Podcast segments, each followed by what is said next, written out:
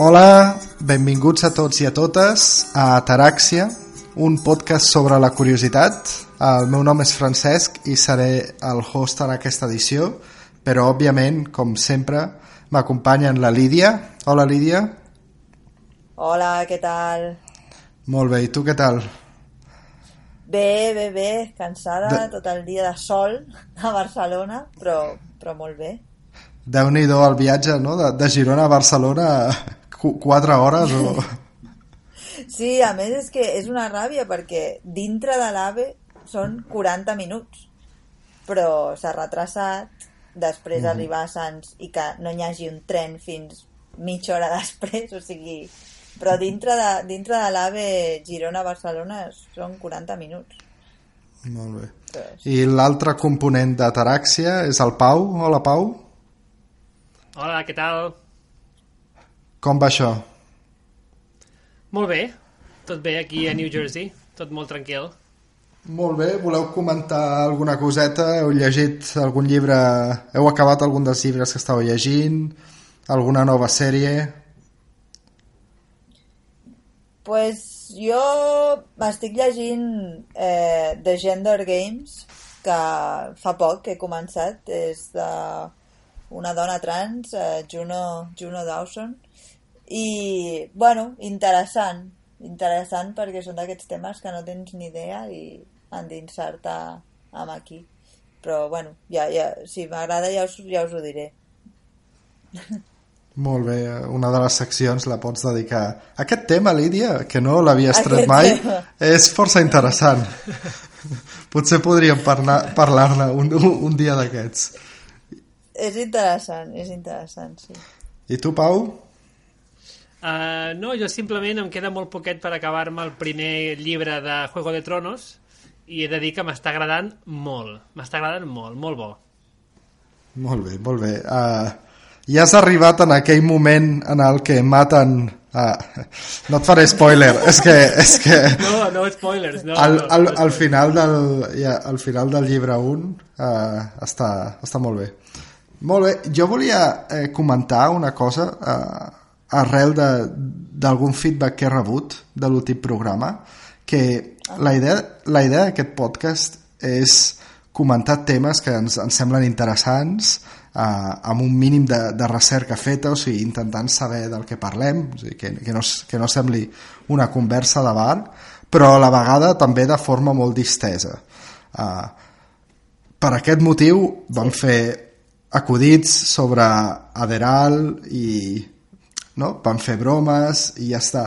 Això no vol dir que recomanem el consum d'Aderal, no. que això va ser un dels feedbacks va ser, ostres, és que sembla que estigueu uh, recomanant uh, prendre això, sí, sí i no, no és, no és el tema uh, que no, Ostres, bueno, almenys caldrà... uh, Estàs dient que ens caldrà tenir un advocat per cada, per cada episodi? Hòstia. No, jo només volia clarificar que personalment jo no, no recomano el, el consum de. No, no, no.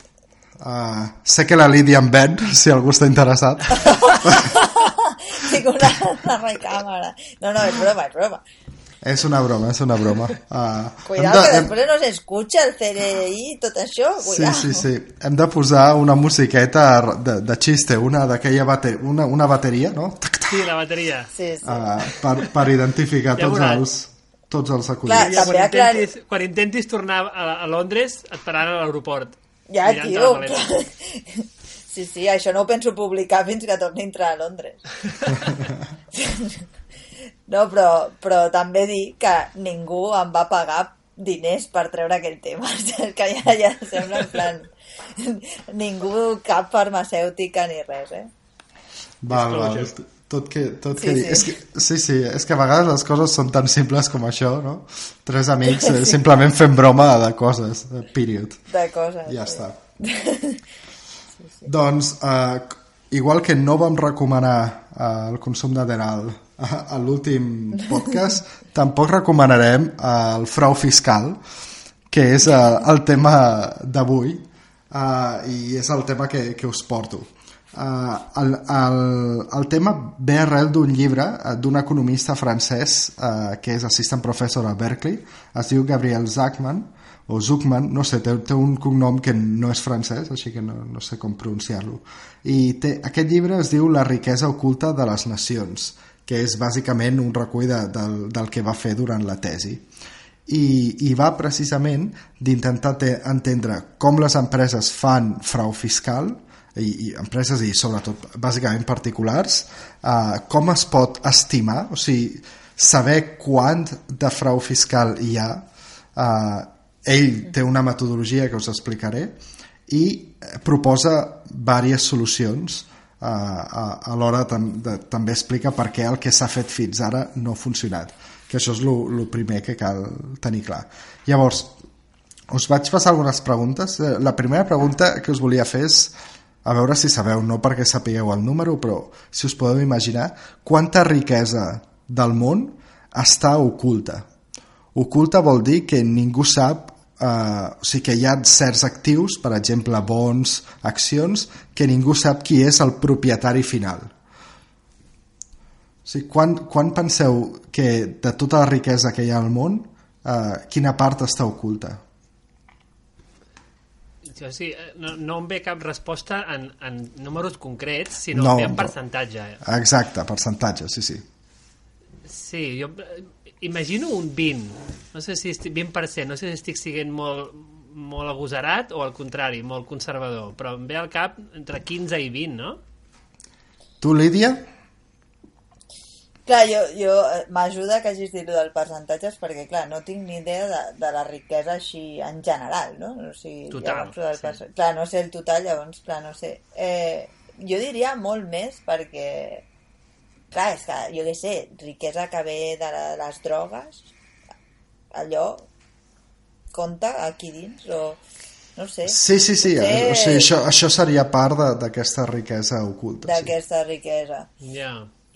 Clar, no ho sé, m'aniria, m'aniria, pues això, eh, pues potser a un 40, no sé, un 40%, vinga.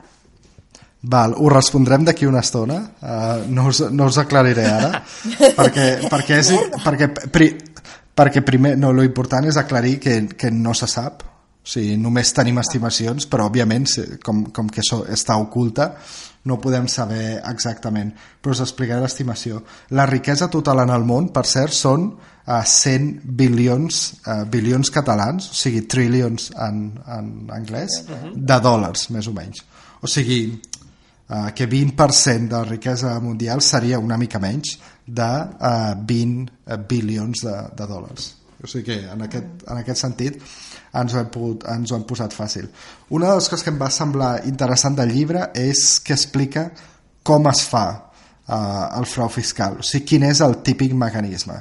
I segurament molta gent ho sabrà això, però la idea és que tu tens una empresa i vols treure part dels diners que genera l'empresa fora del país per no pagar impostos. Llavors, el que has de fer, o sigui, eh, si tu fas un benefici amb, amb aquests diners, amb la teva empresa, hauràs de pagar els impostos, eh, l'impost sobre, de, sobre beneficis, que és relativament alt, 20, 30%, depenent del, del país. El truc que pots fer és obrir una compte eh, en nom d'una empresa que no té, és una empresa fictícia que no té res a veure amb tu, obres una compte i pagues en aquesta empresa per un benefici, per un servei ocult, o sigui, un, un servei que, que sigui fictici. Per exemple, eh, uns serveis de consultoria que, que mai rebràs perquè ets tu, aquesta empresa, però el, el tema és que l'autoritat la, eh, del país no, no ho sàpiga. Llavors, el tema és on obres aquesta compte d'aquesta empresa per passar els diners, perquè si obres en el mateix país teu, allà hi ha un munt de lleis eh, de transparència bancària. Per exemple, imagina't que estàs als Estats Units. Eh, no et pots anar a un banc dels Estats Units, obrir una compte a nom d'una altra empresa i passar els diners en aquesta altra empresa perquè el, el govern dels Estats Units, el IRS en aquest cas, eh, ho, ho veuria tot, sabria que tu realment ets el propietari d'aquesta altra empresa i que per tant segueixes sent tu i que per tant res, has de pagar impostos. I aquí és, és on entren països com Panamà o les Illes Caimán.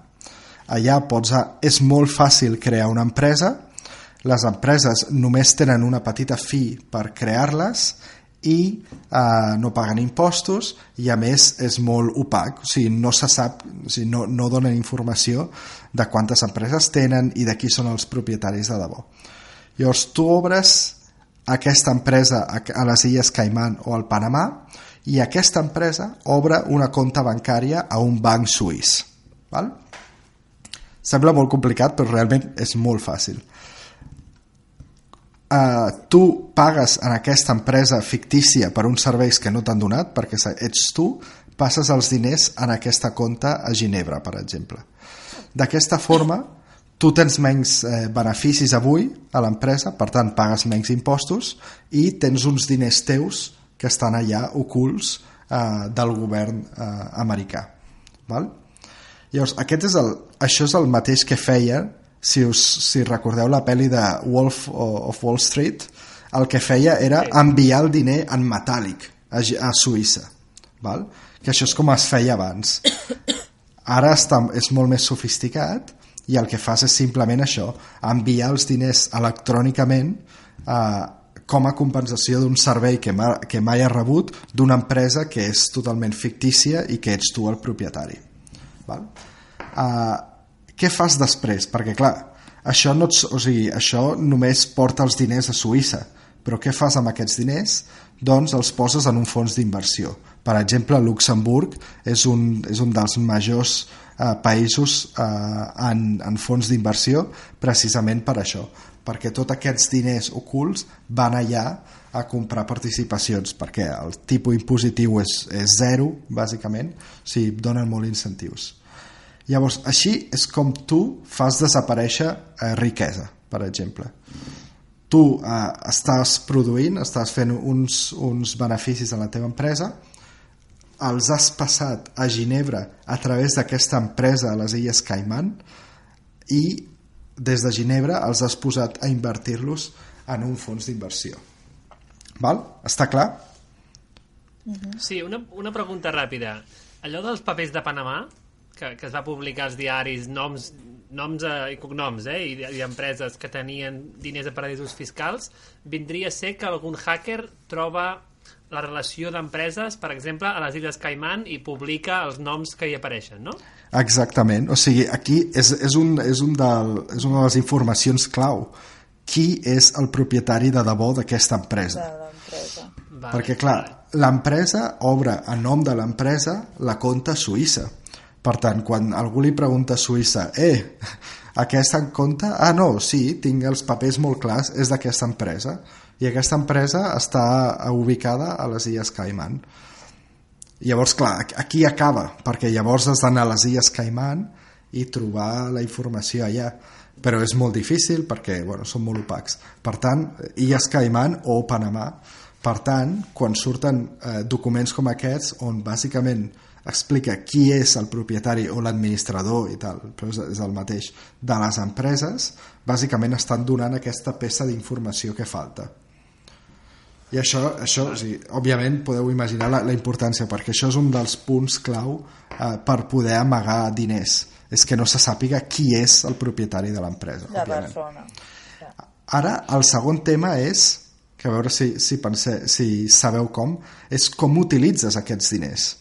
Perquè tu els has tret del país i, òbviament, has pagat menys impostos. Això, diguéssim, aquest és un objectiu que tu tens, però si tu ets americà, estàs als Estats Units, tu, a tu t'agradaria poder utilitzar els diners, val? estan fora, però sí, clar, si els, no has pagat impostos però t'has quedat sense els diners perquè no els pots tornar als Estats Units.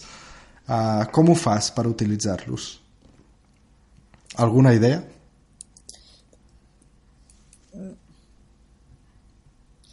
Clar, A no veure. sé, jo és que...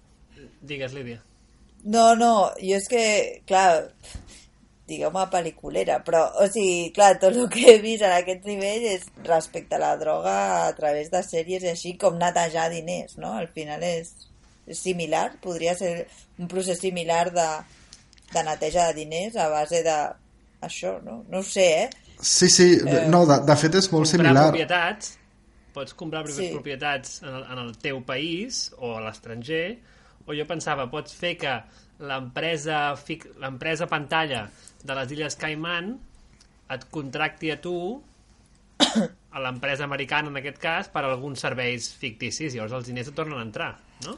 Sí, però hauràs de pagar impostos en aquests diners que tornen a Clar, entrar. jo, Clar, o sigui, la, els meus, les meves fonts, els meus d'això són Breaking Bad o, referències. o Ozark, no sé si heu vist Ozark, però també va en aquesta línia. Bàsicament és, és que, bueno, no? Aquest concepte de, pues, bueno, pues a, a Breaking Bad que tenen un, un d'això un, per netejar cotxes pues és com si facturessis molt més del que realment estàs facturant Exacte, o, o sigui, dones serveis ficticis, no? És la, exactament, Exacte, és és dir- exactament la mateixa idea. deixo passar, bueno, poso que han passat 2.000 cotxes per aquí i facturo, pues això, no? Tres- 300.000 cotxes o 2.000 cotxes o els que necessiti per, per d'això. Doncs hi ha, hi ha Sí, no una, sé, jo... Sí. una forma més sofisticada d'utilitzar els diners. Uh, o sigui, una, una, la primera resposta és que, òbviament, si són quantitats petites, pots anar al caixer amb la teva targeta de l'empresa aquesta fictícia i la compta de Ginebra.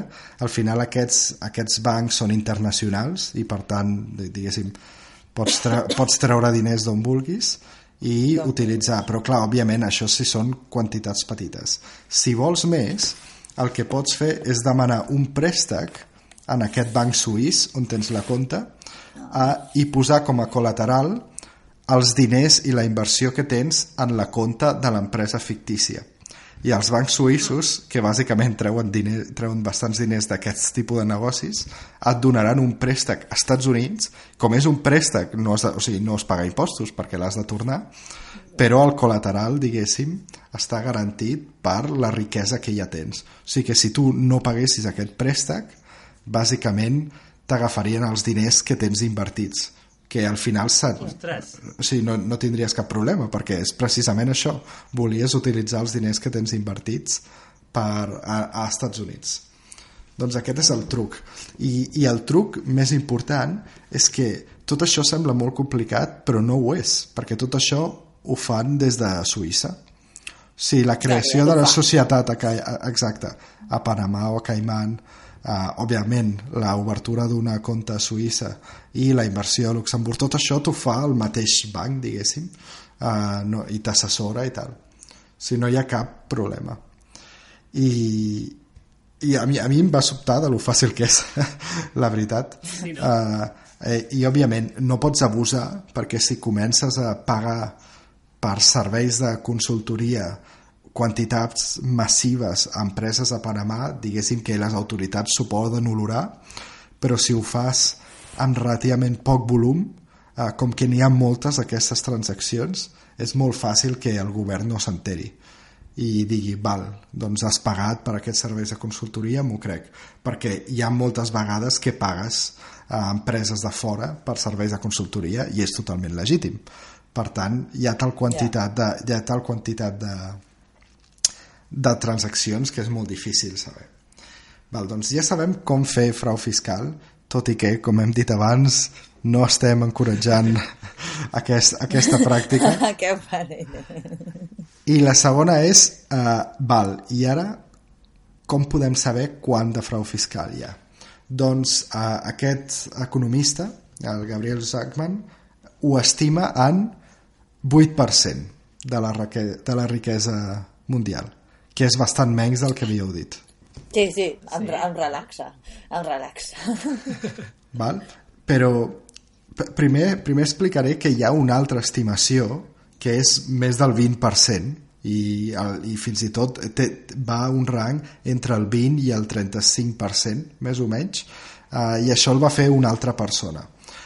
I us vull explicar com aquesta altra persona, que per cert es diu James Henry, eh, va estimar quina és la riquesa oculta.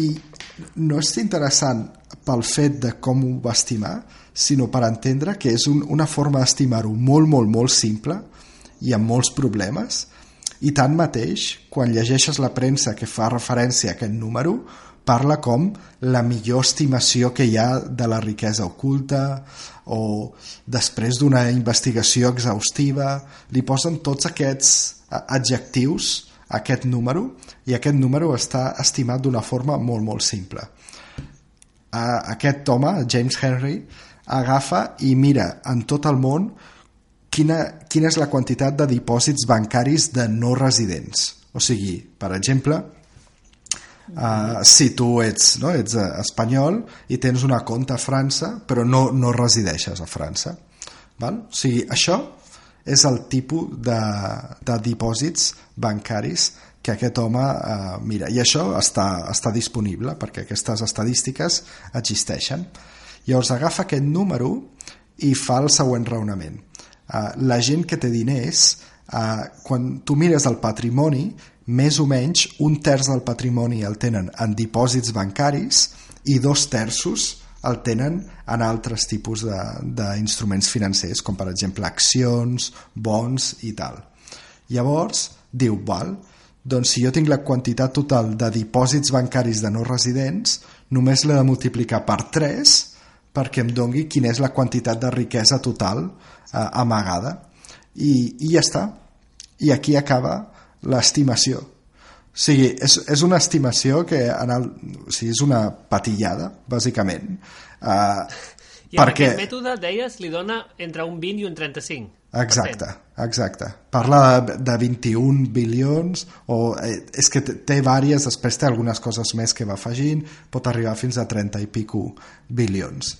Però, o sigui, bueno, no, jo quan vaig llegir com, com s'havia estimat això em va semblar una cotrada, vull dir, això és, molt, o sigui, és un número molt important com per simplement dir assumeixo que tots els dipòsits bancaris de no residents existeixen per, com a part del frau que no té cap mena de sentit i, i hi ha molts casos, per exemple eh, no? treballadors francesos que, que, que treballen a Suïssa però viuen a França i necessiten compte a Suïssa per, perquè els paguin hi ha molt, molt, moltes situacions on, uh, on això pot passar i no només això sinó que dir val, doncs normalment sabem que més o menys un terç és dipòsits bancaris i dos terços altres coses o sigui que el total és tres vegades el dipòsit bancari així que ho multiplico i ja està. No sé, a mi, i, i això també enllaça amb un altre tema, eh, enllaça molt finament, però enllaça, que és quan veiem també estimacions de la pobresa mundial i de coses així, no us, o sigui, us faríeu creus de com d'inexactes són aquestes estimacions i moltes d'aquestes estimacions utilitzen supòsits d'aquest tipus, o sigui, supòsits molt simples i probablement irreals perquè no es tenen bones dades aquestes gorda. coses.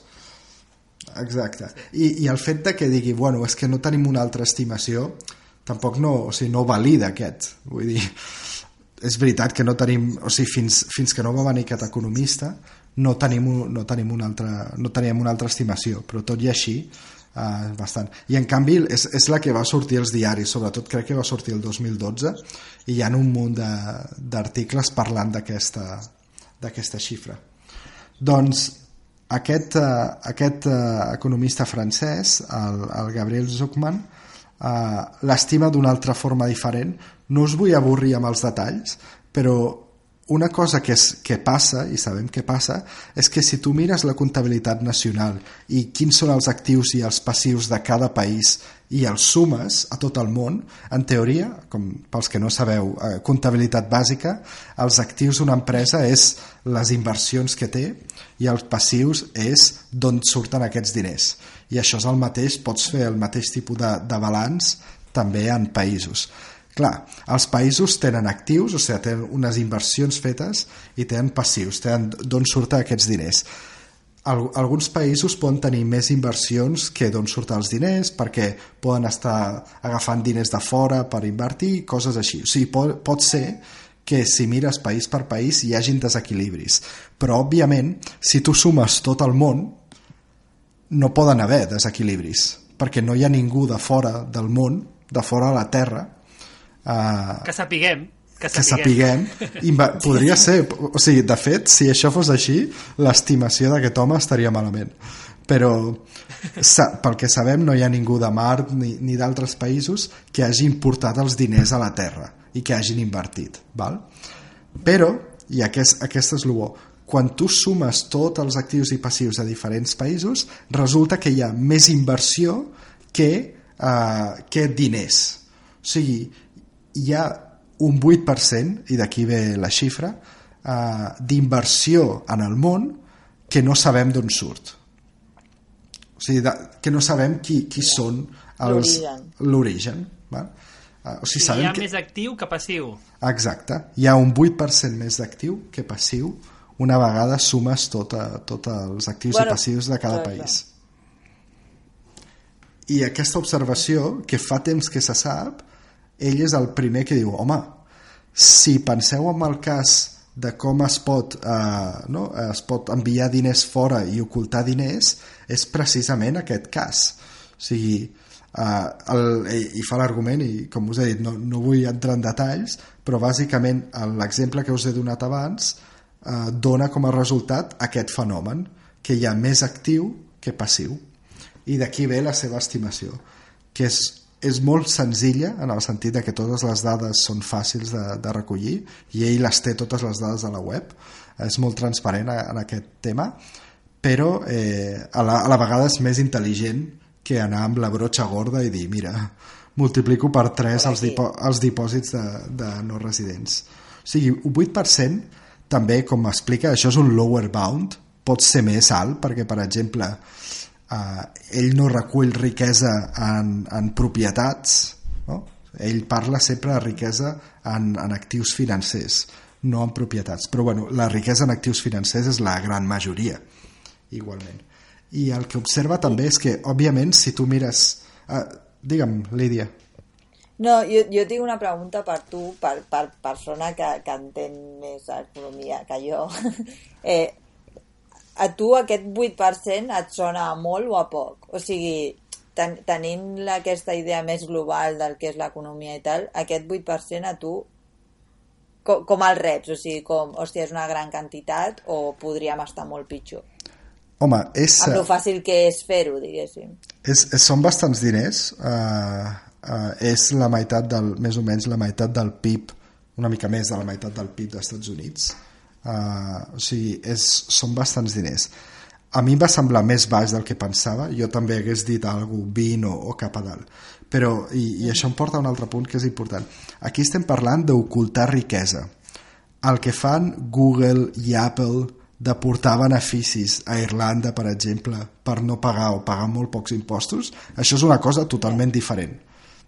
Aquí, aquí no hi ha un tema d'opacitat, aquí hi ha un tema de que tu legalment i bueno, el tema si és legal o no és una discussió.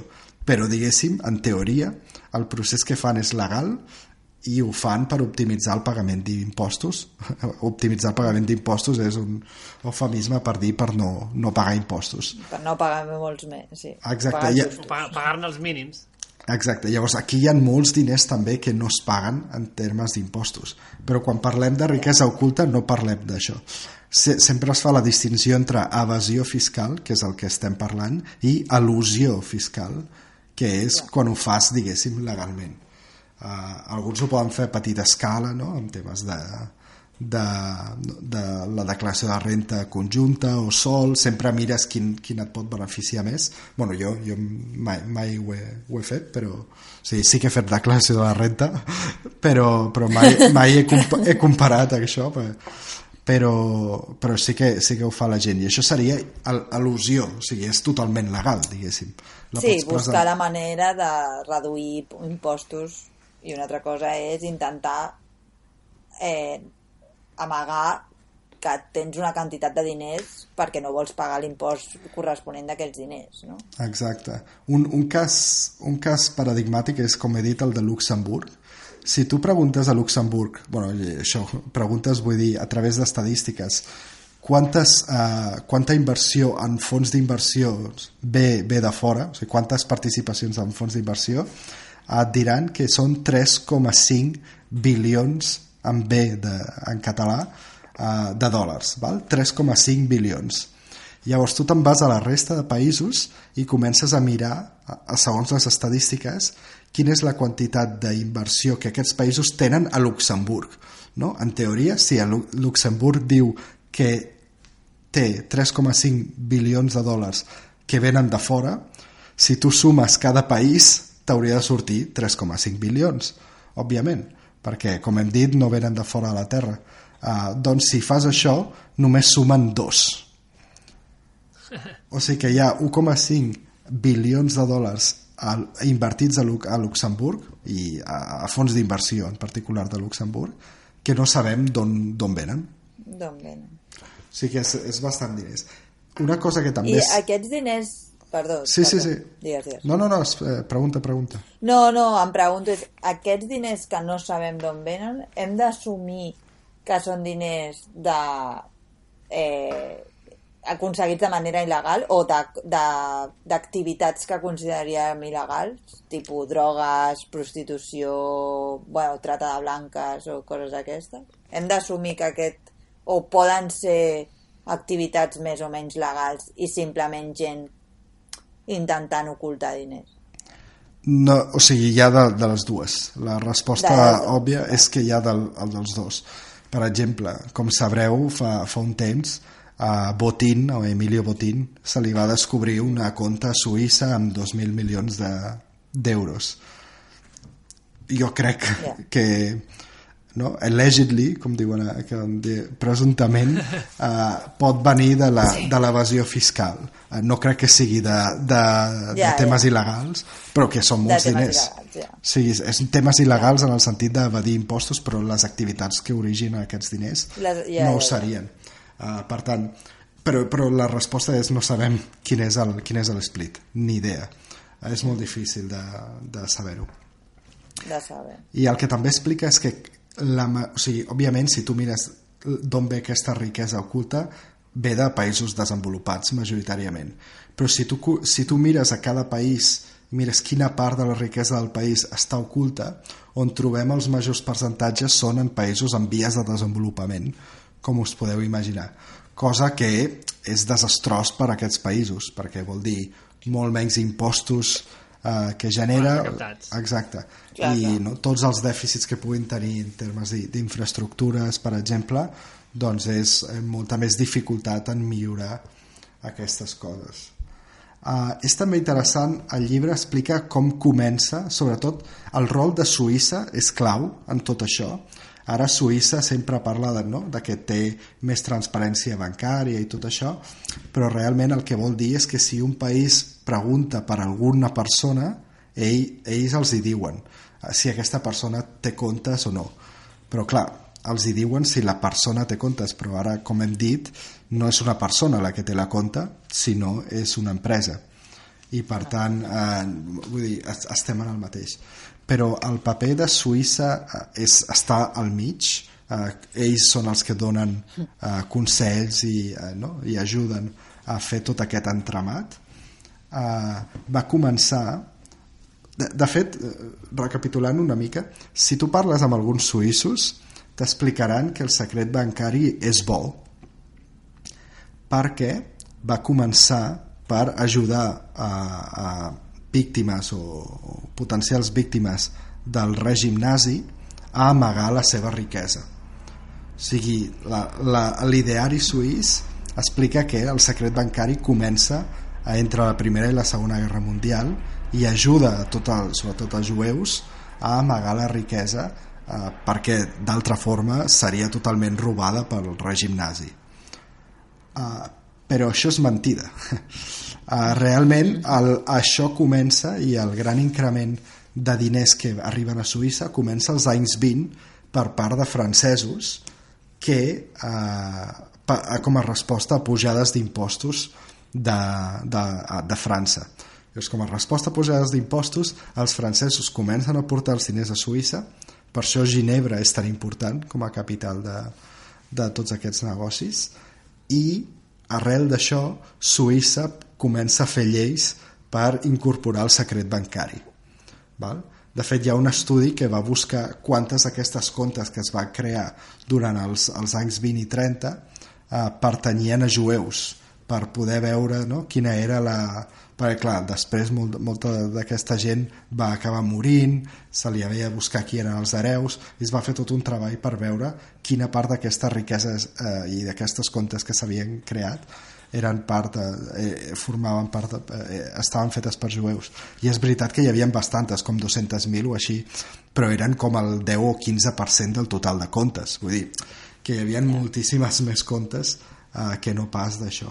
I, i això eh, volia preguntar-vos a vosaltres, perquè això és una pregunta recurrent que, que faig a molta gent, si creieu que hi ha un nivell d'impostos acceptable o hi ha un màxim d'impostos que podem considerar acceptables i per sobre d'allò diguéssim seria no lícit però hi haurien motius potents per intentar que no, no pagar-ne Lídia? Home, jo, jo sóc molt pro impostos. O sigui, jo crec que que no, no veig la necessitat de no pagar els impostos que et corresponen, no? No sé. Eh, jo Però crec que, que... Per exemple, uh, si, si el, el marginal tax rate és d'un 80%, Que, que, perdona, Sí, no, sí, no els, entenc què vol dir el tax rate. l'impost marginal de l'última, o sigui, diguéssim, arriba al 80%, et semblaria que això s'ha donat, eh? o sigui, ja ha passat en la història, en el segle XX, creus, Sí. ho veuries acceptable? Sí, clar, bueno, sí, acceptable, de dir, podríem... Sí, ho veuria acceptable. Sí. Pau? Bueno, acceptable de dir idealment m'agradaria un... l'ideal seria un 100%, no? Clar. Sí. Clar, però això vol dir Sí, que, doncs- que l'Estat es queda al 100% de la riquesa que tu has generat amb el teu treball. No, no es queda al 100%. Sí, si l'impost fos del 100%, vull dir. Vale. Clar, és que no sé quina, No. Reper quina repercussió tinc jo d'això. Saps? O sigui, realment, si, si realment aquest... Si, si tot el- l'impost que pago jo tinc una, una, una repercussió directa, doncs... Però sí, ima imagina't que, que ara la feina t'ofereixen una pujada de salari, val? diguem un, una xifra. Uh, et donaran 10.000 o 20.000 pounds més a l'any. Uh, però el, estàs al tipus marginal del 80%. Per tant, d'aquests 20.000 pounds més a l'any, només veuràs un 20%. A mi passa. O sigui, això seria, un, això seria un impost marginal del 80% si estiguessis en aquesta franja. Uh, Sí, sí, la franja. No ho sé. Clar, a mi el, el, el que... Quan fas la pregunta, Francesc, a mi em venen, bueno, a- em venen records de la carrera, quan jo vaig estudiar polítiques i teníem aquestes converses en, en plan filosòfic, um, però bàsicament em venen dues coses. Una, que és tema d'incentius, eh? Clar, ama amagar riquesa o fer frau fiscal eh, implica, implica esforços de temps, de diners i és un risc, val? Per tant, en, entenc que aquí hi ha una balança en què si, el, si et posen un impost molt alt, tens un incentiu més alt per, per no pagar impostos. Si l'impost és relativament molt més baix, eh, l'incentiu per, per amagar la teva riquesa disminueix molt, perquè, total, per pagar un, m'invento, eh, un 5%, doncs no m'arrisco a anar a la presó i no, no m'arrisco tots aquests merders d'un compte a les Illes Caimán i no sé què, i Suïssa i amunt i avall. Um, clar, a- aquesta és un, una balança que no sé ben bé quin és el, el tipus ideal, no? però que um, entenc que ha d'haver-hi alguna cosa entremig que, que ajudi. L'altre és l'incentiu per treballar, per, per fer alguna cosa. Perquè ja et dic, a mi jo també sóc pro impostos i, uh, i eh, comparteixo aquella opinió de crec que va ser Warren Buffett, o potser va ser algú altre, que va dir allò que, que els impostos paguen la civilització, i estic d'acord. Però clar, si ara em dius que de la meu, del meu treball l'estat es quedarà al 95%, doncs a lo millor em quedo a casa. Em compro un hortet i no el declaro, Ja, però- dir? Hurtet per mi. Clar, és però molt, si eh, l'Estat 95. repercuteix en tu, o sigui, un 95% potser és molt, però si l'Estat repercuteix en tu, tot, eh, no? És com que realment... Sí, però aquest, aquest és el típic debat, no? Imagina't si, si repercuteix en tu fent carreteres, i si jo no tinc cotxe? A mi què m'importen tantes carreteres si jo no tinc cotxe? I llavors Ja, diran, però "No, necessitaràs que- menjar, necessitaràs tal, que segurament arribarà amb carretera, dic jo. Sí, llavors entrem en l'etern debat, no? De, de... Sí, sí, que sí. però bueno, també és veritat que ara, quan, no sé, igual se surt molt del tema, però que també amb el tema rentes bàsiques i tal, d'on surten les rentes bàsiques, si anem cap aquí, amb un d'això, no? Al final, és a dir, bueno, d'algun lloc hauran de sortir les rentes bàsiques. Però el, el, concepte, Eh. el concepte això, Pau, que expliques de, dels incentius és, és important, però també P té el problema, perquè òbviament tu pots rebaixar una mica, per exemple, l'impost sobre el capital no? o sobre els beneficis de les empreses i pensar, home, així faran menys frau fiscal. Has de pensar sempre que si fan frau fiscal l'impost que paguen és zero. Val?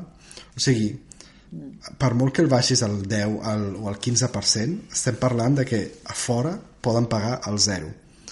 I segon, quan el pots baixar eh, en una democràcia? Perquè al final no, la majoria dels que voten eh, no, no es beneficien d'aquest impost baix i és probable que, que tingui una diferència molt gran entre l'impost sobre el, el treball i l'impost sobre el capital si vas baixant l'impost sobre el capital per baixar els incentius a fer frau fiscal.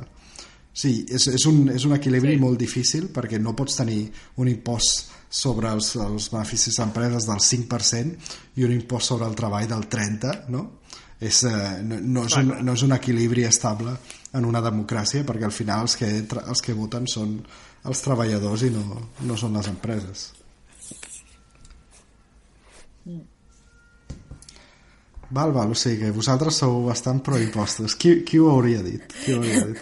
Qui ho hauria dit, no? No, però per... Però és que hem viscut als Estats Units. Però és que a mi, sincerament, ara potser queda molt així, però jo vivint als Estats Units, especialment a San Francisco, era en plan, per què no voleu pagar impostos? O sigui, hi ha una...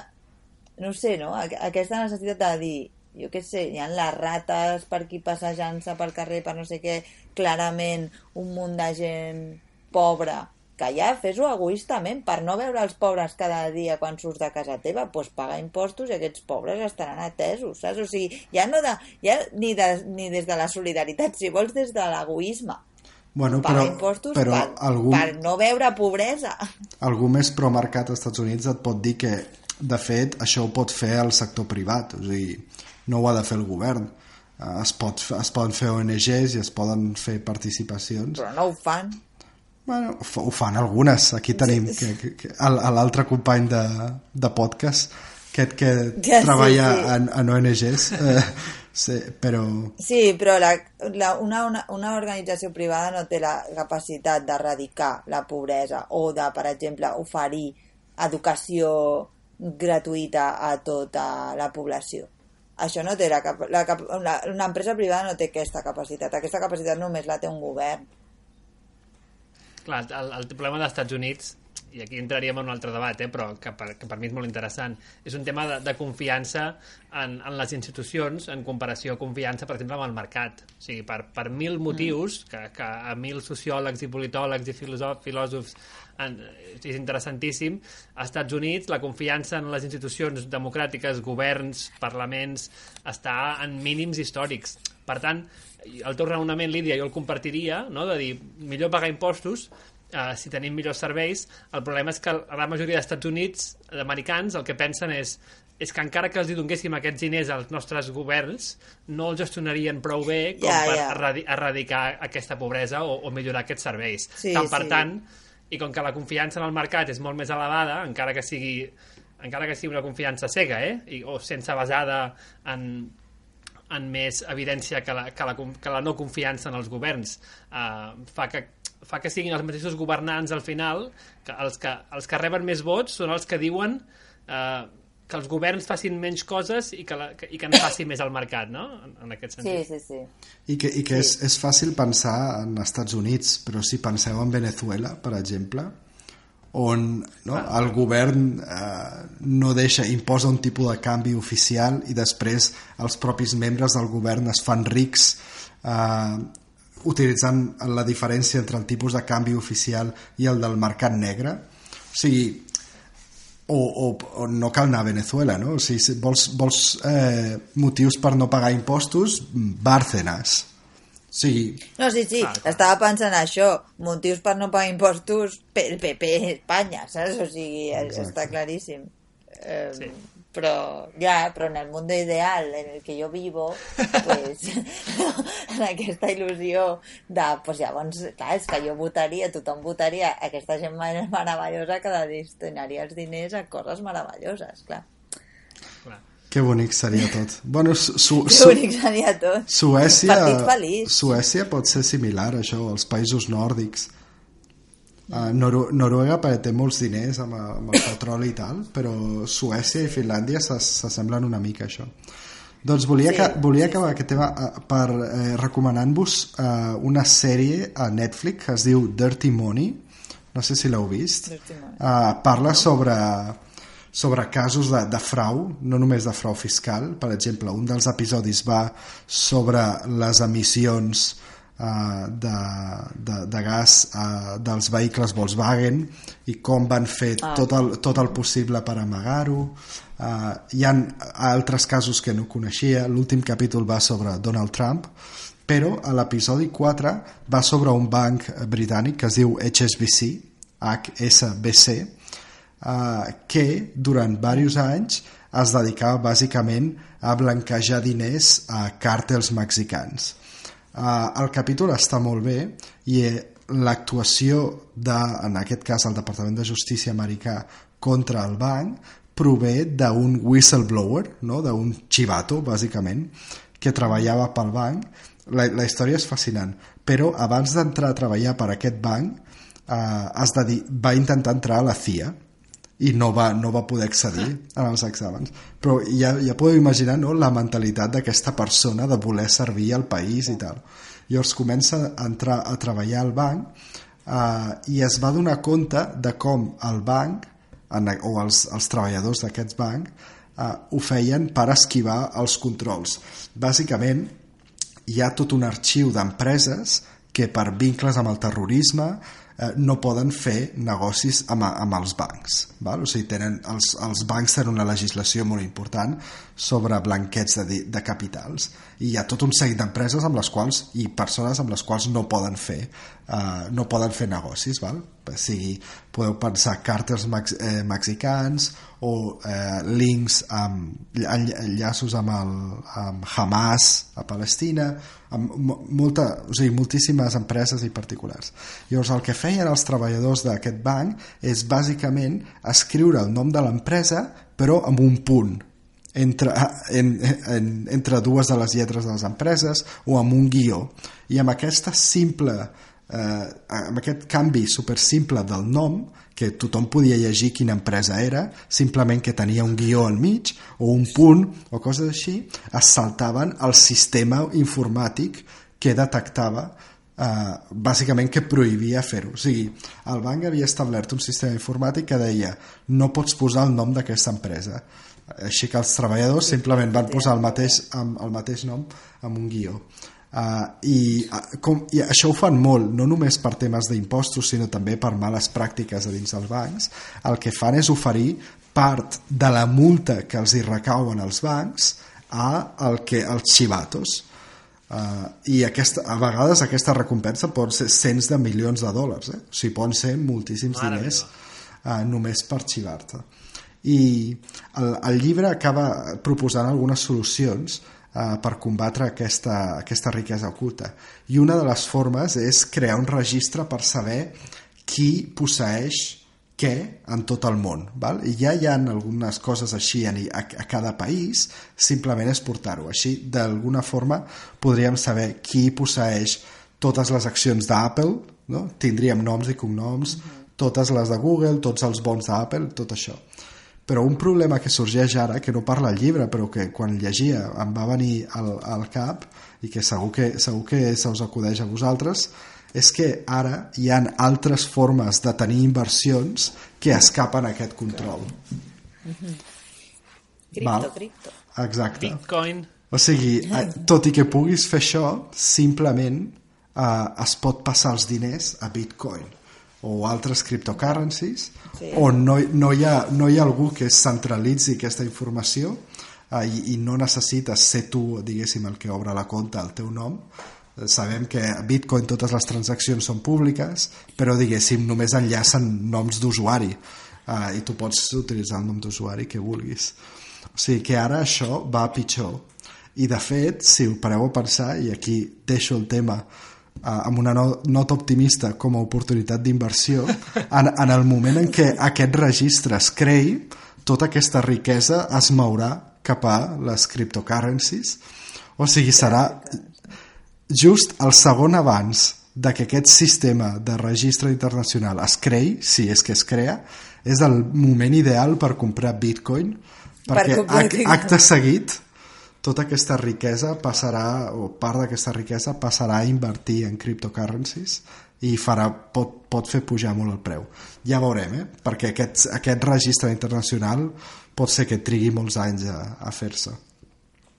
I llavors I el debat és- dels pròxims 30 anys serà com fer aflorar la riquesa oculta a, la, a les criptomonedes. Sí, però, però és molt difícil de fer-ho perquè és Ja, que no, ni, o sigui, ningú controla això, bàsicament. Clar. Ja.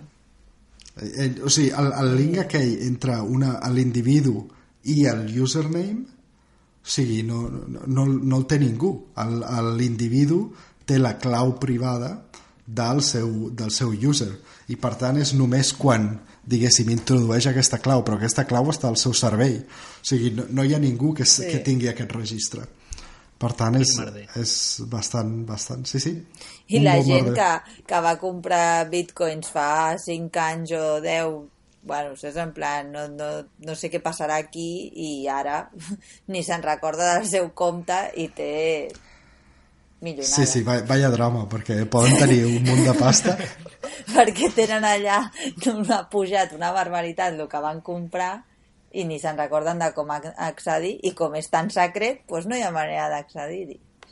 Sí, sí, això no és com oblidar-se el password de Gmail, que ja és fotut, però bueno, que més o menys el pots aconseguir. No, no. Si t'oblides del password de Bitcoin, adeu, adeu als Bitcoins. Adiós. Tu has de tatuar Sí, sí, a, lo, a lo. Prison Break o alguna perquè Sí, sí. no et pots oblidar. Doncs fins aquí el tema. No sé si teniu algun comentari més o alguna pregunta. Jo crec que caldrà dedicar un, un, un episodi a la renda bàsica. Això m'ha vingut Ja. al cap en el futur. I tant, i tant. Però ja, però Pues- ho, voleu, ho voleu fer vosaltres, no? Jo no, jo no sóc Sí, sí, expert Pau, en aquestes Pau. coses, el, el Pau ho pot fer. Ui, jo tampoc hi soc, però, però bueno, és igual, no Ens hi cal. podem posar. Però, però donat que ningú som, millor algú que estigui a favor, no?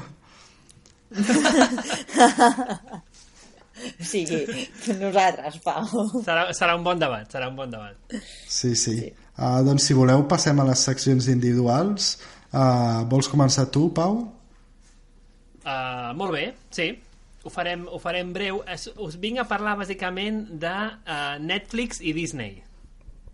I Uh. La batalla que s'està començant a configurar, jo m'ho imagino com allò, batalla final dels Senyors de los Anillos, eh? uh, entre Disney i Netflix, i el camp de batalla bàsicament és uh, els cinemes, la televisió i internet. I qui és Sauron? Bàsicament, qui és Sauron? No ho sé, això cadascú, cadascú que ho decideixi. HBO. Val, val.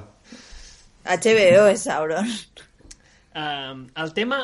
Na, van passant coses i que a mi em semblen d'allò més interessants. Bàsicament, uh, Disney, el seu negoci principal a dia d'avui és uh, el que s'anomena la, la televisió per subscripció, uh, uh, aquí s'anomena de, de cable, televisió per cable, um, i fer pel·lícules. Aquí està el, el negoci de Disney. El problema és que, per una banda, la, la televisió per cable ja fa temps que va de caiguda, cada cop hi ha menys subscriptors, cada cop hi ha menys um, gent que veu la televisió uh, tradicional de cable i el cinema també està de capa caiguda. el, cada cop es, es venen menys entrades de cinema i cada cop el cinema és més dependent en algunes pel·lícules que fan molts diners. O sigui, fa 30 anys el cinema anava bé i a més a més es repartia molt en, en diferents pel·lícules. Ara cada cop més és aquella, aquelles 20 pel·lícules a l'any que fan molts diners i la resta, nada. I llavors el tema és a veure què fa Disney per eh, seguir siguent l'actor principal d'aquesta indústria els pròxims dècades mm, tot i que el seu negoci a dia d'avui va de capa caiguda. Llavors Disney està fent, ha fet dues coses, vaja. Una és està intentant comprar uh, 21st Century Fox, um, que són els propietaris de uh, moltes pel·lícules i moltes sèries, doncs, uh, Padre de Família, Los Simpson, uh, però també totes les pel·lis de X-Men uh, i moltes d'altres. Uh, no està clar que la, que la venda pugui funcionar, ho ha d'autoritzar el govern dels Estats Units, però vaja, tenint en compte els diners que té Disney per fer lobbying, és possible que se'n surtin. Um, i la segona cosa que està fent Disney, que és la més interessant, és Disney ja ha anunciat que el 2019 llançarà el seu propi servei de streaming, el seu Netflix, vaja, al seu Netflix. I posarà totes les pel·lícules que té, totes les sèries que té, clar, estem parlant de tot Disney, uh, Marvel, Star Wars, i si la compra de 21st Century Fox surt bé, doncs tot el que té 21st Century Fox en, en terme de vídeo, totes aquestes propietats, com el Simpson, que deien, Disney ho vol ficar en el seu propi Netflix, o com li diguin. Mm. Uh, I, clar, el que encara és més interessant, perquè, clar, jo, a mi m'agrada molt el cinema, i entenc que vosaltres, cadascú amb els seus gustos, també. Jo us volia preguntar, si ara imagineu-vos que Disney llança el seu propi Netflix i diu que les seves pel·lícules, en si lloc vols et dic com es diu. Pau, Pau, si vols et dic... Com es, es diu? Web Video On Demand. Home, aquest nom no té res de sexy, eh? Han de fer un, un branding. Web, no, ja, però vull dir que, que els Netflix és web video on demand, és totes aquestes webs que donen vídeo ah, a demanda. streaming, sí, com el, com el Hulu exacte, i tot aquest, no? Això, sí, exacte. Doncs això, streaming.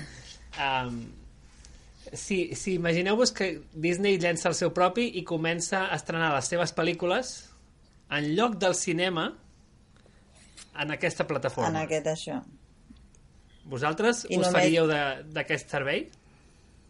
No. Home, no? sí, és l'única forma exacta de veure Black Panther uh, sí, take my money exacte. sí, sí. exacte, de fet he estat llegint articles d'experts que diuen que és possible que, aquest, que aquesta iniciativa de Disney acabi matant el cinema tal com l'entenem perquè de fet ells fan una comparativa amb Black Panther Black Panther ha, ha fet uns 600 milions de dòlars només als Estats Units uh mhm. -huh clar, ells diuen, això semblen molts diners, però si Disney ho posa en el seu servei de streaming, uh, només que aconsegueixi subscripcions, 4 milions de, de gent que se subscrigui a veure a, a aquell servei per poder veure Black Panther, ja aconsegueix molts més diners sense portar això als cinemes. Mm -hmm. De fet, eh, o sigui, aquest, aquest és un model que Netflix, Netflix ja fa, vaja. O sigui, Netflix estrena les pel·lis al, a, a Netflix, no? O sigui, sí. que són, són una castanya la majoria, però que és igual que no, no va, no passa pels cinemes. No, Simple, Clar, fet, aquest... Simplement l'estrena ja. Sí, i aquesta és la gràcia del que està passant, que és que eh, a Los Angeles Times, un diari de prestigi a Los Angeles, Califòrnia, eh, només fa tres dies va publicar que té documentació que prova que Netflix està intentant comprar una cadena de cinemes. O sigui, ara Netflix vol tenir els seus propis cinemes. Perquè, clar, què passa? Netflix vol fer moltes pel·lícules. De fet, només en el 2018 n'ha fet 80 però si una pel·lícula no s'estrena als cinemes no pot competir ni als Oscars ni al Festival de Cannes clar, clar. ni a tots aquests concursos. I això és un problema important perquè si no no pots tenir els millors actors o actrius o directors, directores de cinema. No volen treballar amb tu perquè no poden guanyar premis. D'altra banda, Netflix porta temps intentant convèncer als, als cinemes que li deixin estrenar les seves pel·lis als cinemes a la vegada que ella les estrena a, a Netflix. I els cinemes diuen que nanai de la Xina, que no. Clar, si Netflix tingués els seus propis cinemes podria estrenar les seves sèries i les seves pel·lícules com vulgui, quan vulgui, i a lo millor amb descompte si ets subscriptor de Netflix, o vaja, Però jo crec que, però jo crec que anirà en comptes... No ho sé, Disney... Però jo crec que això anirà més en partnerships. Disney, en comptes de crear, li surt a compte fer-se partner amb això, amb competència directa de Netflix, si li vol ser competència directa, digue-li Amazon Prime o el que sigui. Jo no ho tinc tan clar perquè Disney, part del seu negoci no només és vídeo, és tot el merchandising que fa al, al voltant de tot això. No, no ho sé. Sí, però de fet, un dels articles que he llegit, que posarem en el blog, el que diu és que tenir el seu propi Netflix, el seu propi streaming de, de Disney, seria el, el negoci rodó, perquè tindries un munt de dades dels teus subscriptors, Clar, sab, clar. sabries els seus gustos i Els llavors pots, perfils, sí. i pots Sí, oferir, quan- l'expert deia, pot, pot, tu pots oferir uh, descomptes pels parcs de Disney, els parcs temàtics, diguéssim, uh, a tot el món, pots oferir, diguéssim, i sí, pots fer que els negocis es retroalimentin, no? entre, entre televisió, cinema i, i merchandising i parcs, que totes, o els cruceros, el crucero Disney el crucero Star Wars, eh, pots fer descomptes, pots enviar, si, si t'agrada molt, si, si veus molt les pel·lis de Star Wars al, en el Disney de Netflix, doncs potser et fan un descompte per al parc temàtic quan l'obrin, jo què sé, saps? Poden fer un munt, de, un munt de coses. De fet, una cosa interessant que diu un dels articles és que en el futur proper és possible que les, el cinema i les sèries siguin com, el, com els esports en directe que diguéssim, els que són molt fans volen anar a veure el Barça Madrid al Camp Nou, però la resta ho veiem per televisió, perquè és més còmode. Doncs a lo millor, posant l'exemple de Black Panther, el mateix, no? Els que són molt fans acabaran en el cinema, si és que encara queden cinemes, um, però la resta ho veurem el mateix dia des, de, des del sofà de casa. Ja. Jo Home, jo crec que el cinema no morirà com a concepte cinema perquè la gent segueix anant a, a veure pel·lis que ja ha vist al cinema, no? I el fenomen en aquí a Barcelona és un exemple de... No, nece no necessito que sigui una pel·li nova per anar al cinema, no? No, no, no crec Sí. que mori en aquest sentit. Però... Ai, quina mandra Disney, eh? Personalment. quina mandra em fan. jo, mentre segueixin fent Star Wars i Marvel, ja en tinc prou, eh? Personalment. Sí, es, es, podrien esforçar una mica més amb Star Wars, però de Marvel no tinc, no tinc cap queixa. Molt bé, En fi, doncs fins aquí la secció. Ja veurem com va, com va aquesta lluita. Ja veurem. a veure. I tu, Lídia, què ens portes avui? Vale, jo seré molt breu perquè a més com sempre ens passem de l'hora. Però molt, eh? Jo avui, pues, no sé, no em volia posar molt emocional, però crec que el fet d'estar a Barcelona, eh, pues això, no? Les banderes, els llaços... I no només Barcelona, és que m'he anat a Girona avui que no pot estar més groga a Girona. O sigui, hi ha llaços a tot arreu, literalment. I, i bueno, volia fer com això, pues no sé, un, un recordatori a, a presos. També estem enmig dels processos de, del judici dels nois del Sasso, del Sassua, perdó, i és com... Bueno, no sé, sí que m'ha remogut bastant tot i volia simplement això, com fer una mica des d'aquí recordatori i també des de...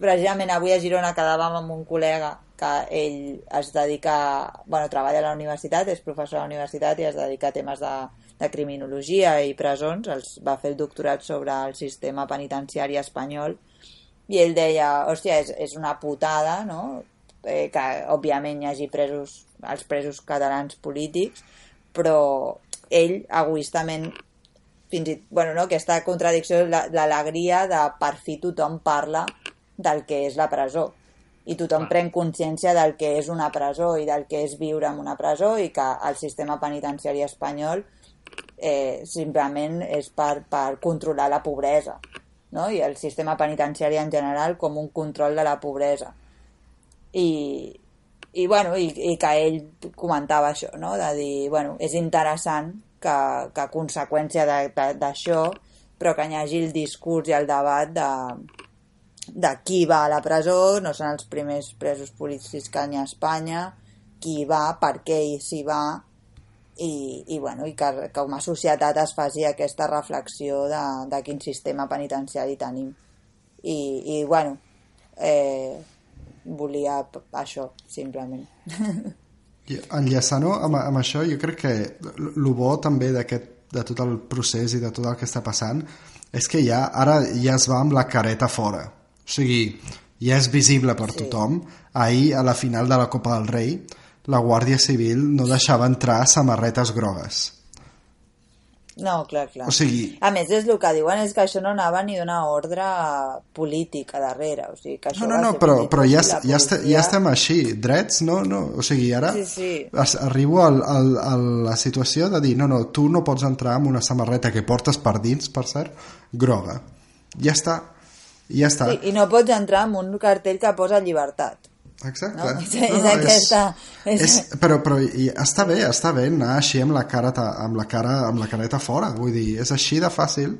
Ara ja, ja no és un grup que té no? com el, els, el, els GAL que això treballa mm. fora. Ara és totalment descobert. Òbviament no s'està matant a ningú, uh, però aquest és, aquesta és la idea. Ja podem anar a cara descoberta i mira, tu presó preventiva, et dic que és un terrorista perquè t'has barallat en un bar o tu, i portes més d'un any uh, Sí. de presó preventiva preventiva, o sigui, no, no has estat jutjat Preventiva, preventiva. el mateix amb, amb els catalans i ja està, i, i ja anem amb a careta descoberta a mi em, em fascina, us ho dic molt sincerament tots els liberals espanyols que callen en, en, o, o que fins i tot diuen que està bé treure la samarreta groga perquè pot, pot dur a conflicte que m'agrada molt aquest concepte no? o sigui, qualsevol cosa imagina't, no? hi, ha un, hi ha un nazi doncs home, no vagis amb una parella interracial no, no fot que, que això pot crear pot conflicte. crear O sigui, ojo, ojo, perquè clar, vull dir, Sí. millor queda't a casa, no? És, és aquesta... Sí, sí. És, és, és, em sembla fascinant com... Uh, est, Sí, el, el no molestis, no molestis. no, ells, ells tenen, ells tenen un, ells es poden dir que tenen un ideari, però tenen unes conviccions molt fermes, i és això, no? unitat d'Espanya i aquestes coses, i llavors l'ideari o, o la ideologia no tenen cap problema en passar-se-la pel forro i, i tan tranquil·lament i dir no, no, no és un tema de llibertats de poder dur la roba que tu vulguis és que això pot crear conflicte i per tant està bé que te la treguin. Em sembla, és que sí, us ho juro que em sembla fascinant. Sí. Doncs sí, és a dir, a mi una de les coses, per, per acabant, eh, que m'al·lucina, eh, amb el que diu el Fran que tothom caretes fora i, i ara ja és directe, el tema d'utilitzar la legislació de delictes d'odi. Eh, per, per causes contra la corona o contra la policia és al·lucinant. O sigui, és, és d'una... Però a més a més ja ho argumenten sense problema, eh? És a dir, no, no, tu fas un post a Facebook enrient-te'n del rei, això és delicte d'odi contra la corona, per tant, pum, vinga, o presó o multaca, sí. és, o, o, o contra la policia, és increïble, increïble. Sí. No, és, és, és simplement propi, és, és que és el que passa a, a Equador, és el que passa a, a Venezuela, o sigui, A Turquia, a, bueno, a Turquia ni, ni us explico, sabeu a Egipte que va haver, no sé si ho sabeu, és un cas molt, molt interessant, tu segur que ho saps, Pau, perquè em vas passar tu al, al podcast, aquell, uh, no, era un, un late night host que era superpopular, que sempre feia sàtira, rotllo, un, un David Letterman, no? o un però Sí. o un John, John millor un, un, un John Stewart uh, però uh, d'Egipte i va haver, de, va haver de marxar bàsicament perquè l'estaven a punt de, de posar a la presó simplement per fer sàtira contra el govern i contra uh, la monarquia, si no m'equivoco. Bueno, és, és, és aquest nivell de... Bueno, no? El, el sentir-se ofès és et permet denunciar algú, no? per lo que sigui. No? I és en plan, la- l'ofensa no, no és un delicte. No? Ofendre Exacte. no és un delicte. I normalment els delictes d'odi no, es reservaven per odi contra minories desfavorides, Clar, ah, però, clar. però ara parlem de minories desfavorides com la, la monarquia. No? Ah, Com la i la Guàrdia. Civil, la Sí. Policia Nacional. I, de, de fet, sa, Sí, sap sí. greu perquè també quan veus els humoristes, eh, ara par parlant d'aquest tema, a Espanya, i els compares amb els d'Estats Units, o sigui, el nivell d'atac contra el poder que veus als Estats Units, amb la gent, no?, com el, el Trevor Noah, la, sí. la Samantha Bee o el, o el Stephen Colbert, és molt més alt, però molt més alt que a Molt Espanya. més. O sigui, Molt més. les brometes que fa el Buenafuente així petiteta sobre el PP sobre... és que Sí, que es caga, sí, So- so, són- que la gent té por. Sí, sí, sí, o sigui, és que, és que està clar que van amb por. Si ho compares amb els Estats Van Units, que en teoria és la inspiració pa- parlant d'alguna fuente, és que és, és, és un altre món, eh? És molt més pena, bèstia de- i, i a la vegada... Sí, sí, molt, molt, fa molta molt més pena, i divertit. fa molta pena perquè joder, és que, saps que amb, amb, per exemple amb lo dels xavals del el Sassua és de dir senties a les mares d'aquests xavals i assumint, acceptant que s'aniran a la presó que els condemnaran tot i totes les irregularitats judicials que hi ha hagut de dir, eh, de no acceptar proves, de, bueno, no? Totes les, i d'acceptar i de dir, i com jo com a ciutadana tinc cap mena de, de, de, de poder per demostrar que s'està cometent una injustícia dintre del, de la justícia. Saps? O sigui, jo em sento molt indefensa, a mi em fa sentir molt indefensa perquè és de dir, sí. hòstia, és que com, com, a, com a ciutadania jo puc fer, no? És, entres en una estructura, com demostro que la- l'estructura està podrida? Quan estic a dins, puta, no? És en plan, Sí, és, estàs muy jodido. A més, és un, Estàs drama, molt és un drama perquè se saben d'aquestes irregularitats. Vull dir, és informació que es pot trobar fàcilment. I tot i això Sí, no, sí, sí, sí, no passa sí. res. O sigui, de nou... I no passa res. Exacte, no és un tema que hi hagi aquest grup eh, com els GAL i tal, que és secret fins que es descobreix. No, no, ara, ara això passa i hi ha informacions, però ara com que Clar. ens creiem només una mica, doncs la gent que, diguéssim, que té una ideologia cap a l'altra banda, bàsicament descarta tot això, o pitjor, diu, bueno, m'é- m'és igual. Uh, però què és, què és lo bèstia? És això, la informació està tot allà i no sé. Exacte, és tota... Y es en plan, bueno, ¿no? en aquest cas es, bueno, pues nada, pues iremos a Europa, ¿no? Y apelaremos a esto llamado Europa Estrasburgo, i bueno, i d'aquí 10 anys pues, potser poden sortir, no? I és en plan, bueno, clar, 10 anys de la vida d'un xaval dels 21, dels 20 als 30 anys, que ja, ja el que has fet és fotre-li la vida en l'aire. No sé, a mi em, em, em colpeix moltíssim i em fa molt... És de, el tema presons i el tema tal em, em posa molt trista. I, I això, i perquè crec que ens fa sentir molt... A mi em fa sentir molt indefensa com a ciutadana. I això. És fotut. Ara no volia aquí... Sí. No, no. No, doncs Bé, a, a, amb aquest eh, al·legat final eh, que els governs tinguin poder reduït i en favor del liberalisme eh, eh, podem, podem acabar recordant que eh, qualsevol persona que ens escolti si vol enviar qualsevol comentari qualsevol pregunta so, sobre, sobre el podcast uh, que és eh, molt benvingut de, de fer-ho. I hem tingut alguna gent que ens ho ha comentat i el, el, ho llegirem en els següents podcasts. Uh, només si és interessant el comentari. No, no, uh, en, en general en general ho, ho llegirem. Doncs fins aquí el podcast d'avui. Uh, espero que us hagi agradat. Uh, gràcies per estar aquí Lídia. Moltes gràcies, eh, molt interessant. molt bé, i gràcies a tu Pau també Gràcies a tu i fins la pròxima. fins la pròxima adeu adeu Adeu. Adéu.